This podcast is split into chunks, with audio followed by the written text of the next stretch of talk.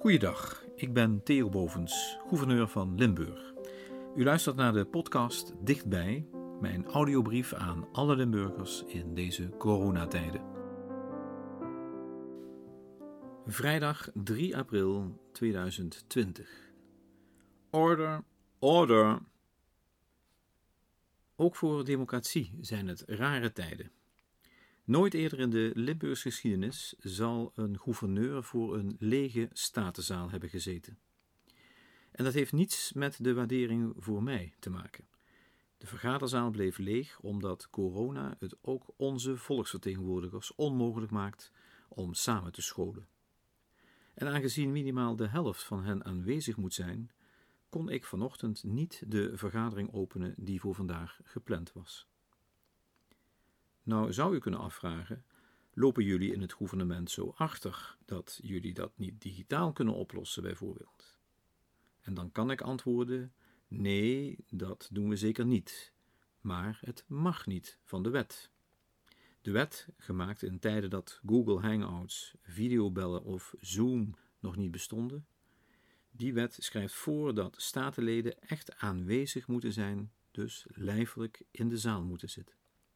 En op het moment dat je wetten gewoon opzij gaat schuiven, draai je ook de democratie de nek om.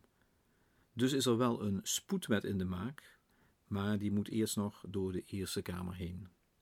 En in tussentijd moeten we een beetje creatief te werk gaan. Wat we binnen de huidige wet wel kunnen en ook gaan doen, is voor aanstaande maandag een nieuwe vergadering uitschrijven. En bij deze vergadering hoeft niet de helft aanwezig te zijn. Sterker nog, de aanwezigheid van slechts één statenlid is voldoende. Dat ene statenlid gaat dan voorlezen hoe de anderen erover denken en zouden willen stemmen. En op basis daarvan kunnen dan rechtsgeldige besluiten worden genomen. Het klinkt allemaal wat omslachtig, maar digitaal stemmen kan en mag dus ook niet volgens de huidige wet.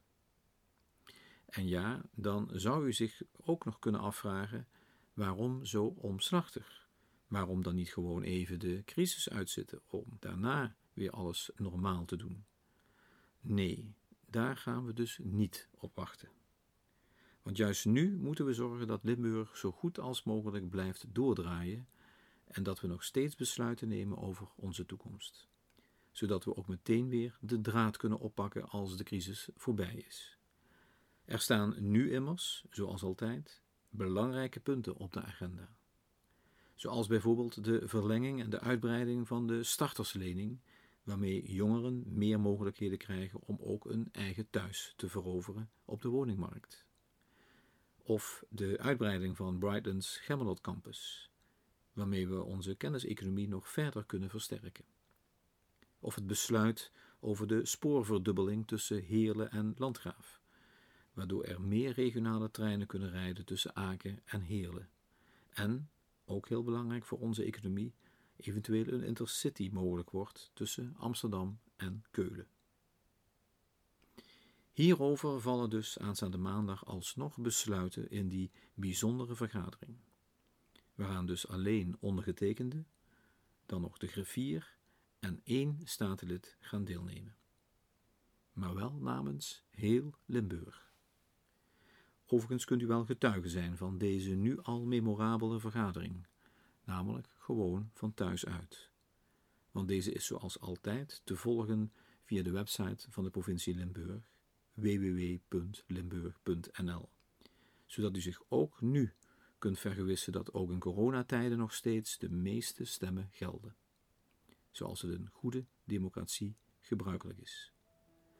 En als ik weet dat u kijkt, dan zal ik zeker even naar u zwaaien.